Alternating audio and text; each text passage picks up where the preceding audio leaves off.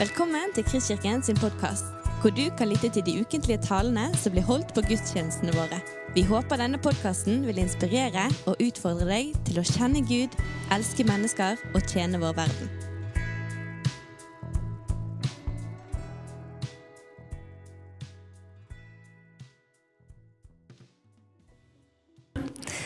Da skal jeg altså få lov å, å eh, preke i dag. Eh, det er jeg glad for. Og jeg har òg egentlig veldig respekt og, og, ydmykhet i forhold til det. Eh, for ja, når vi kommer til gudstjeneste, så ønsker vi å få noe. Vi ønsker å bli, bli vokse sant? Og, og, og, få noe for troen vår. Eh, og jeg tenker, jeg har, jeg har, respekt for det at ikke det er Altså mine meninger og mine ord, de, de hjelper ingenting. Men, men, Guds ord har kraft. Så jeg ønsker å formidle Guds ord. Jeg er veldig glad i Guds ord. Jeg har gått på tre forskjellige bibelskoler, inkludert ETS. Eh, og jeg syns eh, det er et privilegium å få lov å dele Guds ord. Ja, så jeg bare lyst til å legge dette i Guds hender. Og jeg takker deg, himmelske Far. Takk for ditt nærvær. Takk for din nåde. Jeg bare ber deg og inviterer deg, Hellige Ånd, til å komme og åpenbare ordet ditt for oss. Jeg ber deg om å få være åpen for eh, din ledelse, dine innspill. Og jeg ber deg, far, at, at vi kan få ha åpne hjerter for ordet ditt. Sånn at det ikke blir bare noen nye tanker eller gamle tanker. Men, eh, men at eh, ordet ditt kan eh, At vi kan få åpenbaring, at vi ser klarere, at vi ser, at vi får vokse. I Jesu navn. Amen. Ja. Um, Teksten i dag det er altså fra, videre fra Markus, som eh, Elin sa. Elin har allerede introdusert teksten litt. Og den er utfordrende på flere måter. Den utfordrer eh, på, eh, ja, både verdensbildet vårt, eller virkelighetsoppfatningen i vår tid. Sånn, dette med demonbesettelse. Eh, den er òg kanskje utfordrende fordi at eh, en snakker om tro på en veldig utfordrende måte. Uh, og det er flere ting som kan være vanskelig i denne teksten.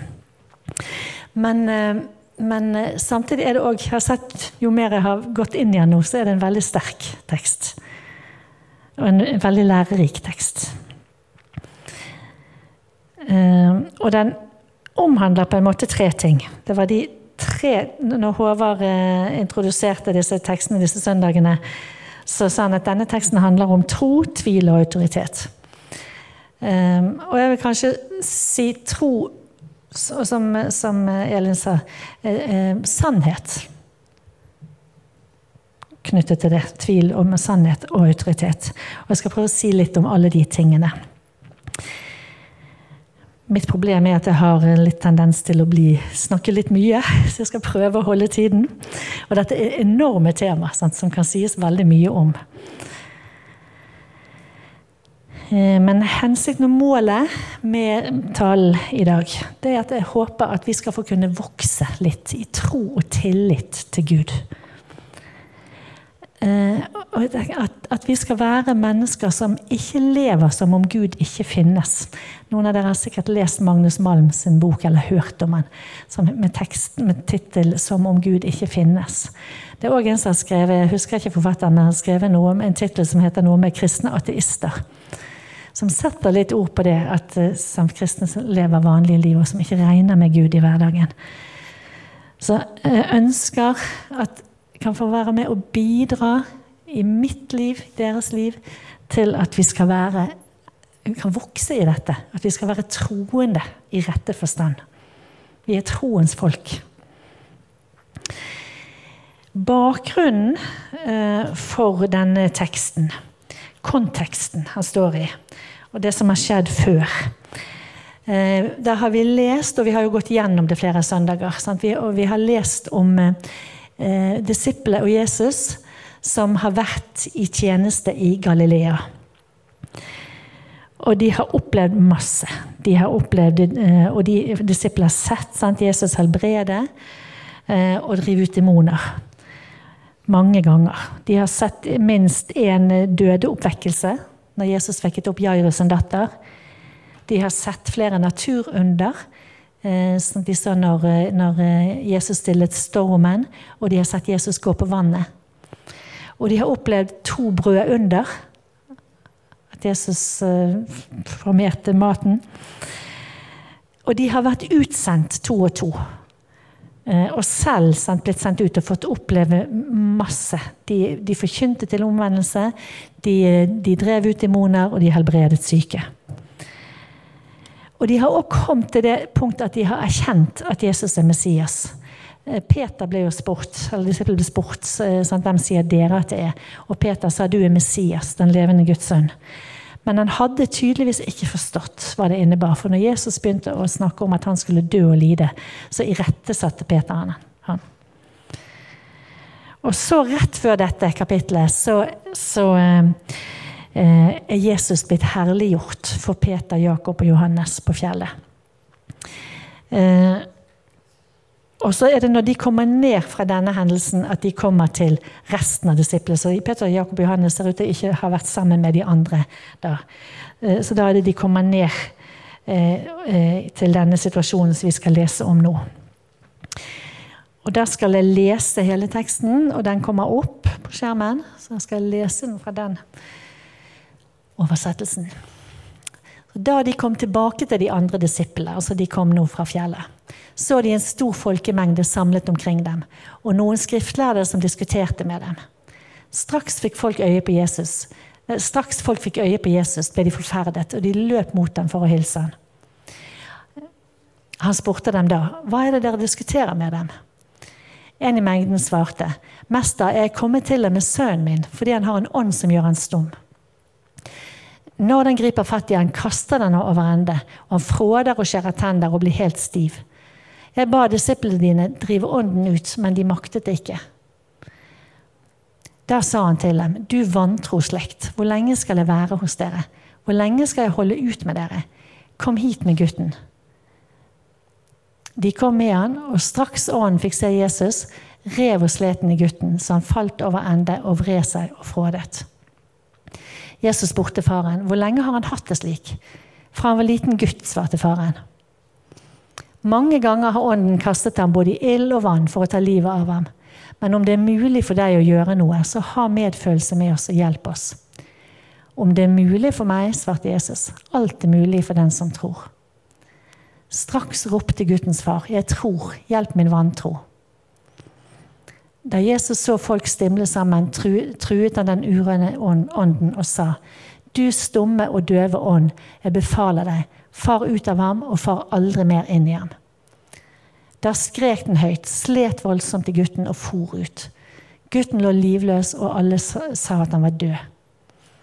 Men Jesus tok ham i hånden og hjalp ham opp, og han reiste seg. Da Jesus var kommet i hus og disiplene var alene med ham, spurte de hvorfor var det ikke mulig for oss å drive den ut. Han svarte dette slaget er det bare mulig å drive ut ved bønn og faste.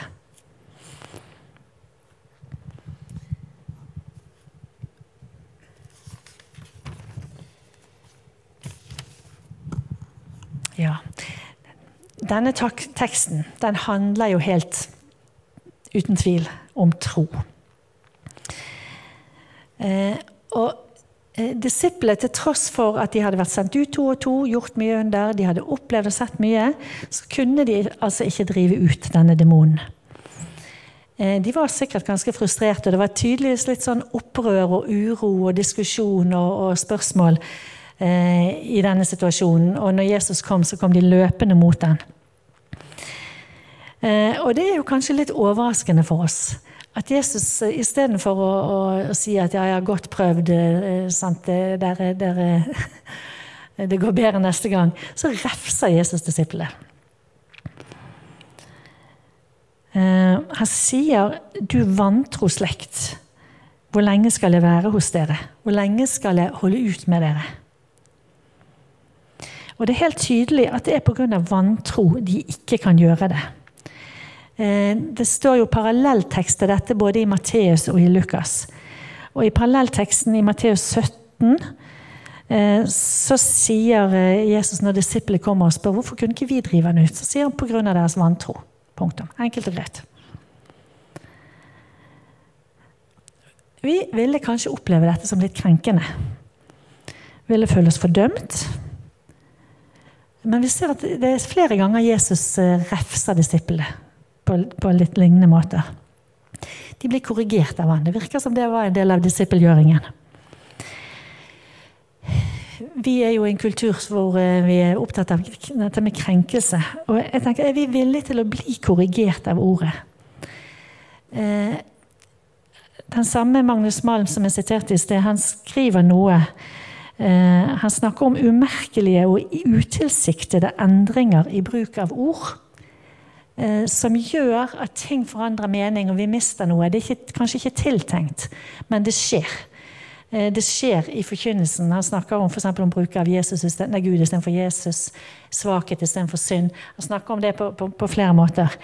Men jeg tenker at kanskje er dette litt sånn, et litt sånt område. Eh, at for dette med tro er et område som kanskje er blitt litt vanskelig. Litt touchy. Et område som nesten er slutt som, altså i, i, store deler av, av, eh, den kristne kirke har tonet ned og sluttet å forkynne. Eh, og det handler kanskje om eh, Det er, kan være en reaksjon på usunn forkynnelse. Litt usunn og litt feil forkynnelse. Det kan òg være resultat av at vi har fått en litt sekularisert tankegang. At vi er blitt sekularisert. Og det kan være resultat av mine erfaringer.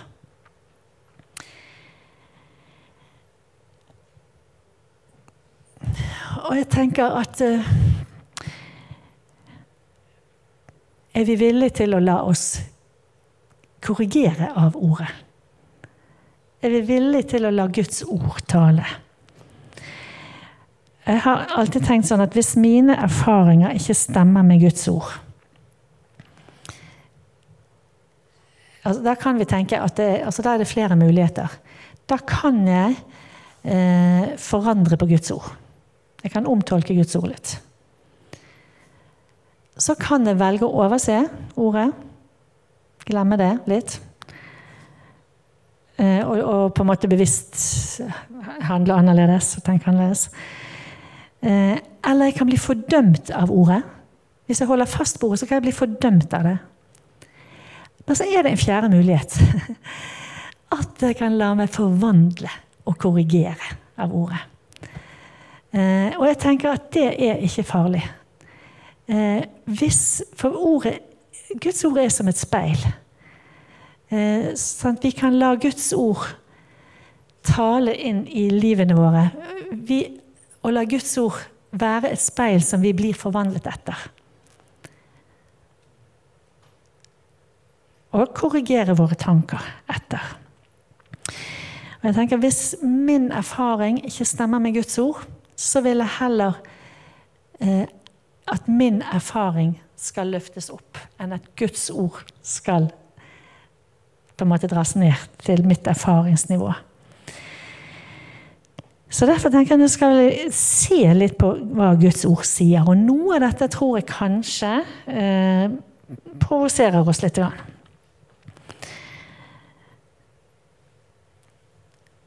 For før vi videre, sant, dette med å la oss korrigere sant, at Vi er jo underveis. Paulus sier at 'jeg har ikke grepet det'. Eh, men jeg strekker meg ut. Jeg tror ikke om meg selv at jeg har grepet det. Men jeg glemmer det som er bak, og strekker meg ut etter det som er foran. Eh, og det tenker jeg når jeg er når, Hvis jeg ser noe i, i uh, mitt liv uh, som når jeg leser Guds ord, ser at det er jo ikke helt sånn, så trenger jeg ikke la meg fordømme. For Gud vet hvordan jeg er. Han vet at jeg har mitt kjøtt. Han vet. Han kjenner meg. Og jeg, når jeg er fundert i Jesus Jeg er i Jesus. Jeg lever ved Hans nåde. Jeg har Hans fred. jeg har sønn, jeg har barnekår, så er det ikke farlig å møte utfordring i Guds ord. Så er det ikke farlig å se ting som ikke er helt på plass i livet mitt. Da er det bare en glede, for da kan det få bære frukt og forandre meg. Så jeg velger å si amen og ikke men til Guds ord. Så, eh, så, skal vi se litt på hva Guds ord sier. Først om dette med tro. Eh, de foregående kapitlene her, eh, som vi sa litt om i sted, det de hadde opplevd, de er jo full av, av erfaringer av tro. De, det, det, viser litt av hva som var Altså dette med at tro var en forutsetning for at, Gud, at Jesus kunne gjøre under. De er fulle av eksempler på det, og evangeliene ellers er fulle av eksempler på det, og ellers òg i, i Nytestamentet og i Bibelen. Og Vi så som sagt at Jesus refset han, eh, refset de. Han sa 'du vantro slekt, hvor lenge skal jeg være hos dere'? Eh, og, og, med faren, til og med. Og det er litt, eh, litt Det har jeg ikke tenkt på egentlig før. Eh, han han møter denne faren annerledes enn den spedalske som vi så tidligere i, i Markus, som kom til Jesus og sa hvis du vil, så kan du rense meg. Og Jesus uten å stille noe mer spørsmål sa jeg vil bli ren. Men denne faren han kom jo til Jesus faktisk med et behov. Så han hadde jo et sterkt håp om at Jesus skulle kunne hjelpe han. Men så sa han 'hvis du kan'. Og det adresserer faktisk Jesus. Og, sier at 'hvis jeg kan' og så, og så, sier han, utfordrer han faktisk på troen. At hvis du kan tro, så er alt mulig. Han handlet ikke med en gang her. Han, han adresserer faktisk dette hos faren. Og så sier òg eh, Jesus i, i denne parallellteksten i Matteus 17 der hvor han svarte de at det var pga. manglende tro, så sier han òg hvis dere har tro som et sennepsfrø, så kan dere si til dette fjell osv. Vi kjenner det. Og ingenting skal være umulig for dere. Det er sterke og utfordrende ord. Det står òg i Hebreerne 11,6 så står det uten tro er det umulig å behage Gud. Og det står i Hebreerne 11,1 så står det at tro er full visshet. Og i noen oversettelser står det full tillit til det som håpes. I engelsk oversettelse så er det stor confidence. Og Det, det syns jeg er et fint ord. Og det rommer på en måte litt begge deler. Eh, tro og tillit har kanskje litt ulik eh, klang hos oss. Men, så det over, Derfor brukes begge deler. Men confidence rommer kanskje denne troen som er en tillit. Ehm, jeg skal komme litt tilbake til det. Men det er helt tydelig at, eh, at eh, dette med bønn, bønnesvar, det knyttes opp til tro. Det, det, det, kan vi på en måte ikke komme bort fra når vi leser dette. Og Det står i Hebreerne 11,6 at den som trer frem for Gud, må tro at han er til, og at han lønner den som søker han. Så, så tro, vår tro, den behager Gud. Men tro er ikke en prestasjon. Og det er kanskje der vi glipper litt. på en måte. At når vi hører dette, så tenker vi, så, så blir det en prestasjon. Men tro er ikke en prestasjon. Tro er en tillit til at Gud er Gud. At han er mektig. At han er til å stole på. At han er god. At hans ord er sant. At hans løfte holder. Vi kan lese masse sånn vers for fra salmene om dette med Gud som er vårt vern og vår, hans trofasthet. Og tro er en hvile på denne Gud. Og tro den handler jo om en Gud. Hvem Gud er. Og troen er ikke et middel eller en metode til å få Gud til å oppfølge ønskene våre. Og det handler jo egentlig ikke om ønskene våre. Men tro er en tillit til å hvile i den Gud som sier at han er den han er. Jeg har lyst til å lese bitte lite grann fra et ark. Jeg mistet min far for et par måneder siden. Han var en gudfryktig mann. Han har skrevet mange ting. Og han hadde masse litteratur. Og jeg har hatt gleden av å lese litt gamle gullkorn. Annet leste et lite hefte av Smith Wigglesworth og, og leste av eh, Frank Mangs og litt forskjellige ting. Og han har også skrevet gjemt på masse ting som han har skrevet. Og Da fant jeg noen gullkorn. Jeg skal bare lese bitte litt av det. Og det, Overskriften er 'Jeg er'. Jeg leser fra midt inni her. Han begynner med å snakke om dette med navns betydning. Og, så, og Moses. da. Og når Moses ble kalt. Og så sier han hans spørsmål til Gud var hva er hans navn? Guds svar var 'Jeg er'. Et underlig navn. Gud hadde lovet Moses at han ville være med han, og svaret bekrefter betydningen og innholdet i løftet. Og svaret uttrykker noe altomfattende. For hadde Gud svart med et navn som ville ett navn som ville ha uttrykt én av Guds mange gode egenskaper, så ville det ha vært en begrensning. Vi mennesker kan puttes inn i slike begrensede skott, men ikke Gud. Han er ubegrenset. Han taler ikke sannhet, han er sannheten. Han viser oss ikke veien, han er veien. Bibelen taler mye om Guds vesen og hans egenskaper. Eh, jeg skal nevne en del fra Det gamle testamentet. Betrakt ikke dette som en tørr oppramsing, men la deg overvelde over hvilken mektig Gud vi har. Og så står det en rekke navn og, og, og beskrivelser av Gud Er, Sånn. Han er ditt skjold. Han er Gud eller mektige. Han er med deg. Han er din lege. Han er barmhjertig. Han er hellig, osv. Gud er.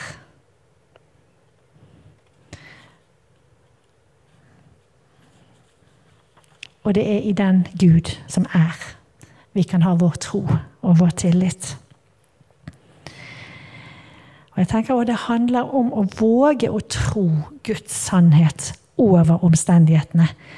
Eh, jeg anbefaler, hvis dere, gjerne, hvis dere, ikke har hørt den, så hør den gjerne på, på i Kristkirken sin podkast. Annelise Søvde Valle sin tale om Caleb for noen uker siden. Som var nydelig. Hun snakket om disse tolv speiderne som ble sendt inn i landet etter at de var ført ut av Egypt. Gud hadde gjort under, ført igjennom gjennom Jordan. Eh, de hadde sett, blitt ført av en ildstøtte, de hadde fått mat, gjort masse under. Og så hadde han lovet i landet, og så ble tolv speidere sendt inn. De så det samme, de kom tilbake. Ti av de så landet er godt, det flyter av melk og honning, men de er, det er kjemper som er der. De er mange flere enn oss. Vi har ikke kjangs. Mens Josve og Caleb sa ja, det er kjemper. Men Gud har lovet, og vi skal innta landet. De valgte Guds sannhet. Så vi må velge å, stole på Gud. Eh, og så til slutt òg det er masse som kunne vært sagt om tro. Og jeg skal, kan ikke si alt. Men jeg har lyst til å si eh, eh, Ta et par vers. Det ene fra Filippene 4,6. Vær ikke bekymret for noe, men la alle ting deres bønneemner komme frem for Gud i bønn og påkallelse med takksigelse. Og Guds fred, som overgår all forstand, skal bevare deres hjerter og deres tanker i Kristus Jesus. Og så er det et vers i Jesaja som har vært et sånt vers for meg. Eh, Jesaja 26, 26,3. Du skal bevare den i fred, ja, i fred, den som har et grunnfestet sinn, for han stoler på deg. Stol på Herren for alltid, for, for Herren i Herren, ja, Herren, er en evighetens klippe. Du skal bevare den i fred, som stoler på meg. Så det å ha tillit og stole på Gud og tro på Gud, det er helsebot, rett og slett. Det tror jeg faktisk forskning viser. ja. Så handler også denne teksten, som vi sa, om tvil, om vantro. Og hva gjør vi med det? Hva gjør vi når vi ikke klarer å tro, som denne faren? og når vi tviler. Og når vi er full av bekymring. Det er menneskelig å tvile. Det er menneskelig å bekymre seg, det blir menneskelig å bli tynget ned av vanskelige omstendigheter. Så det er et resultat av at vi er mennesker. og Vi har kjøttet vårt, eh, og at vi lever i denne verden. Og Gud tåler det, som Elin sa. Samtidig så har hun lyst altså, ja, Tvil likevel behager ikke Gud. Det har vi sett veldig tydelig. Men Gud tåler det. Men det som er så flott, syns jeg, i denne teksten eh, det er, altså, vi, vi, kan lære så mye av denne faren. For han var ærlig. Han var sann. Og det tenker jeg er egentlig nøkkel når vi snakker om dette, vi snakker om å snakke sant om livet. Han sa altså Først ga han uttrykk for 'hvis du kan', sant? og Jesus adresserte det. Så sa han med tårer 'Jeg tror, hjelp min vantro'. Han prøvde ikke å pynte på fasaden. Han var sann og ærlig. Men jeg tenker det ligger òg en omvendelse i det. Han sa det med tårer. Eh, han omvendte seg, og han erkjente at han trengte Guds hjelp. Og jeg tenker Det er en nøkkel i dette å være Vi skal snakke sant om livet, men vi skal snakke sant om Gud. Gud vil ikke at vi skal forbli i verken i tvil eller i vantro eller i synd eller i bekymring. Gud har en annen vei for oss. Han vil at vi skal få leve i tro og tillit, i hvile, i seier. Det er det Gud har for oss. Og hvis vi skal leve der, så må vi være sanne. Vi kan, det, det, fra der vi er her og nå, med min svakhet, det er der Gud kan virke. Det er der Gud kan gjøre noe. Hvis jeg lukker øynene, hvis jeg prøver å late som jeg har en tro jeg ikke har, så blir jeg frustrert. Kommer ingen vei. Jeg blir sliten, utbrent. Jeg skaper avstand til Gud og til mennesker. Hvis jeg bærer maske, later som jeg er en jeg ikke er. Hvis jeg lovsynger for å se ut som jeg er vellykket åndelig, så er jeg ikke sann. Så kan ikke Gud møte meg, berøre meg. Jeg skaper avstand. Men når jeg er sann med der jeg er, så kan Gud komme inn og virke der jeg er. Og da kan Gud føre meg videre og føre til vekst. Han kan løse meg. Og, også, og, det, og det, krever på en måte en omvendelse eller, og en erkjennelse. Og Hvis det er snakk om synd, så er det omvendelse. Men, men noen erkjennelse at Gud, her er det jeg er. Her er jeg. Men takk! Og da tenker jeg dette her med å se hvem vi er i Gud, det er så viktig. Det telter meg seg sjøl, vår identitet. Takk for uansett, pga. din nåde, så kan jeg komme inn for deg. Og du kan virke i mitt liv. Du kan la det, la det vokse ut fra der jeg er nå. Og Gud er avhengig av din kraft. Du ser at jeg har ikke tro i denne situasjonen her. Kan du gi meg det? Gud, du ser at jeg klarer ikke å tilgi i denne situasjonen her. Du må hjelpe meg, men jeg vil. Jeg klarer ikke å la være å bekymre meg for dette. For med omstendighetene er forferdelig vanskelig. Men Gud, jeg vil. Jeg vet at bekymring er ikke etter ditt hjerte. Det er egentlig synd. Jeg vil omvende meg fra det. Kan, men du må hjelpe meg. Alt Gud har skapt i sitt ord og bedt oss å gjøre, alt det kan Han skape i oss hvis vi lar Han, hvis vi erkjenner vår svakhet. Hans kraft fullendes i vår skrøpelighet. I sannhet. Det er sannhet Ja, det er i sannhet Gud kan virke. Det er da Hans kraft kan få virke. Dette er bare så viktig. Og Dette tror jeg er på en måte noe av det som kanskje vi ikke har forstått. For vi har på en måte litt sånn retninger. Noen som bare snakker om vår svakhet, og noen snakker bare om vår styrke. Og, og ikke om eh, vår menneskelighet. Men vi må erkjenne begge deler. Og vi må komme til Gud med vår svakhet i sannhet. Og erkjenne og tro på hans makt. Og gi han, la han få komme med sin makt i våre liv, i vår svakhet. Så til slutt eh, dette med autoritet.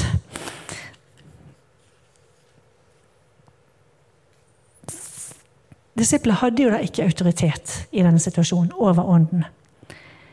Og Jesus sier at, det var pga. manglende tro. Så hva skal til for at vi skal ha autoritet? Og hva skal tro til for at vi skal ha den troen? Jeg har for så vidt sagt noe om det nå. sånn vi kan, vi kan be som denne mannen gjorde. Jeg, jeg, jeg, jeg tror, men hjelp min vantro. Sånn, han ba om Guds hjelp og Guds kraft. Men når Jesus da sier i dette siste verset, som er litt vanskelig å forstå eh, Vers 29, vil du ta det opp igjen? Altså, Dette slag kan ikke drives ut uten ved bønn og faste så mener vel neppe at disiplene skulle gått til sides og tatt en bønne- og fastestund før de drev ut demonen. Og Jesus gjorde jo heller ikke det. Jeg tror jo dette handler om at sier, Gud sier noe om hva som trengs for at vi skal ha denne autoriteten. Det er at vi er i bønn, som, og bønn handler om å koble oss på Gud. Det handler om å være i Guds nærhet. Eh, det handler om å ha livssamfunn med Gud. Å faste handler om å koble oss av fra verden. Og verden kan være det som distraherer oss, det kan være det som binder oss. Eh, det kan være tankegodset. Og gjennom faste kan vi få hjelp til å koble oss av det. Eh, så jeg tenker dette handler om at hvis vi skal ha autoritet, så trenger vi å være i livssamfunn. Nært livssamfunn med Gud. Den levende Gud som er den han er.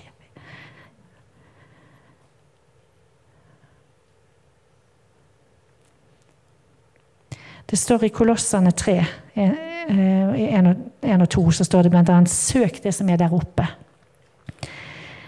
Og det står i Johannes 15, 7, Hvis dere blir i meg, og mine ord blir i dere, kan dere be om hva dere vil, og det skal bli gjort for dere.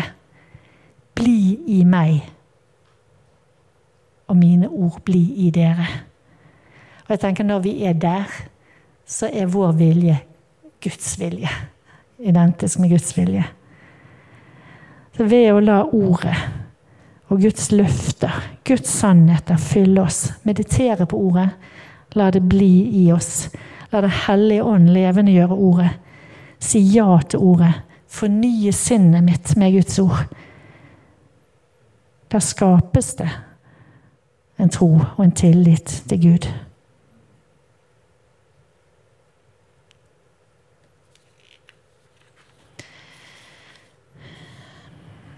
Ja. Så vi trenger å erkjenne behovet for Guds hjelp, avhengighet av Gud. Og vi tror vi trenger å trene oss på det. Å søke Guds hjelp og være bevisst hans nærvær. Rette blikket oppover i situasjoner. Og da ikke leve som om Gud ikke fins, som om jeg må klare dette selv. Men spørre, søke Guds hjelp. Og la Den hellige ånd, Guds ord og Guds ånd forme oss. Så utfordringen i dag lever vi i praksis som om Gud ikke fins, eller er vi troende i, i ordets rette forstand? Du har lyttet til en podkast fra Kristkirken i Bergen. Vi håper du har blitt inspirert og utfordret i din vandring med Gud. Vil du vite mer om oss, så klikk deg inn på kristkirken.no.